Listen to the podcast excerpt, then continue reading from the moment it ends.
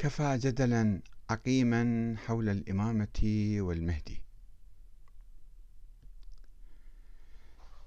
كفى جدلا عقيما حول الإمامة والمهدي. أعتقد أن الشيعة الإمامية الاثنى عشرية قد تجاوزوا الحديث عن المهدي المنتظر ووجود الإمام محمد بن الحسن العسكري وتجاوزوا أيضا موضوع الإمامة الإلهية واشتراط العصمة والنص في الإمام. وحصر الإمامة في السلالة العلوية الحسينية. هاي النظرية اللي كانت معروفة في القرون الأولى وظهرت في القرن الثاني الهجري. فهذه أمور كانت محل اهتمام وجدل وحوار قبل أكثر من ألف عام. ولكن عامة الشيعة اليوم قد تجاوزوها وخلفوها وراء ظهورهم وذلك بتبنيهم للنظام الديمقراطي. وعدم اشتراط العصمة والنص في رئيس الجمهورية أو رئيس الوزراء أو القائد أو حتى الولي الفقيه. والقبول بمبدأ الشورى وحق الأمة في اختيار الإمام.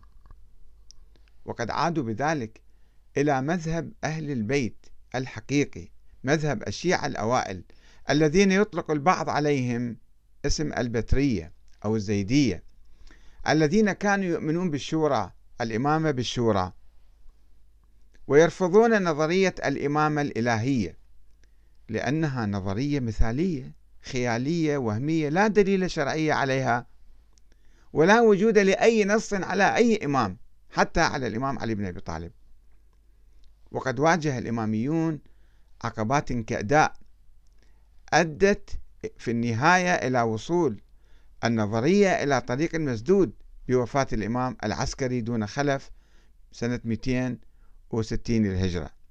ووقوعهم في الحيرة وتفرقهم إلى أربع عشرة فرقة وذهاب فريق منهم إلى افتراض وجود ولد له في السر لم يظهر طوال 1200 سنة حتى الآن. والمشكلة الكبرى في هذه الفرضية أعني فرضية وجود الولد للإمام العسكري ارتباطها بنظرية الإمامة الإلهية وانعكاسها السلبي على الشيعة عبر التاريخ. وذلك بتحريم إقامة الدولة في عصر الغيبة إلا للإمام المعصوم المعين من قبل الله تعالى أي الإمام الثاني عشر الغائب المهدي المنتظر المفترض. وهذا ما أدى إلى حالة الانتظار السلبي لذلك الولد الذي أضفوا عليه صفة المهدي دون أي دليل على ولادته ووجوده ولم يخرجوا من هذا المأزق الفكري التاريخي إلا مؤخرا. عندما رفضوا انتظار ذلك الإمام انتظاره عمليا. يعني بدأوا يتحركون. موجود لا ما موجود ما خصنا من الموضوع إحنا خلي نعمل ونسوي ثورة ونسوي دولة وحكومة ونقيم العدل في الأرض. وتخلوا عن نظرية الإمامة وشروطها المثالية الخيالية الوهمية والتعجيزية. إلا الحاكم رئيس الجمهورية لازم يصير معصوم معين من قبل الله من يقبل بهاي النظرية الآن؟ لا أحد من الشيعة آه، أصلا يقبل يفكر بهالموضوع أو يقبل هذا السؤال ويمتعض اسأل اطرحوا هذا السؤال على أي إنسان. هل رئيس الوزراء أو رئيس الجمهورية يجب أن يكون معصوم ومعين من قبل الله ومن هذه السلالة مثلا؟ يقول لك هذا الكلام من وين جايبه؟ الشيعة كلهم يستنكرون هذا الكلام الآن.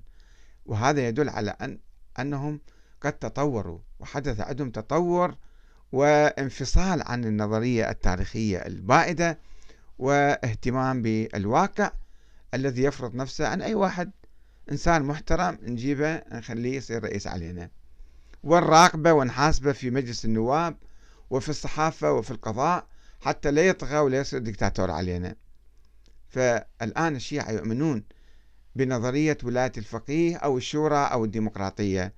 وهاي نظريات كلها مناقضة مئة بالمئة لنظرية الإمامة البائدة. والسلام عليكم ورحمة الله وبركاته.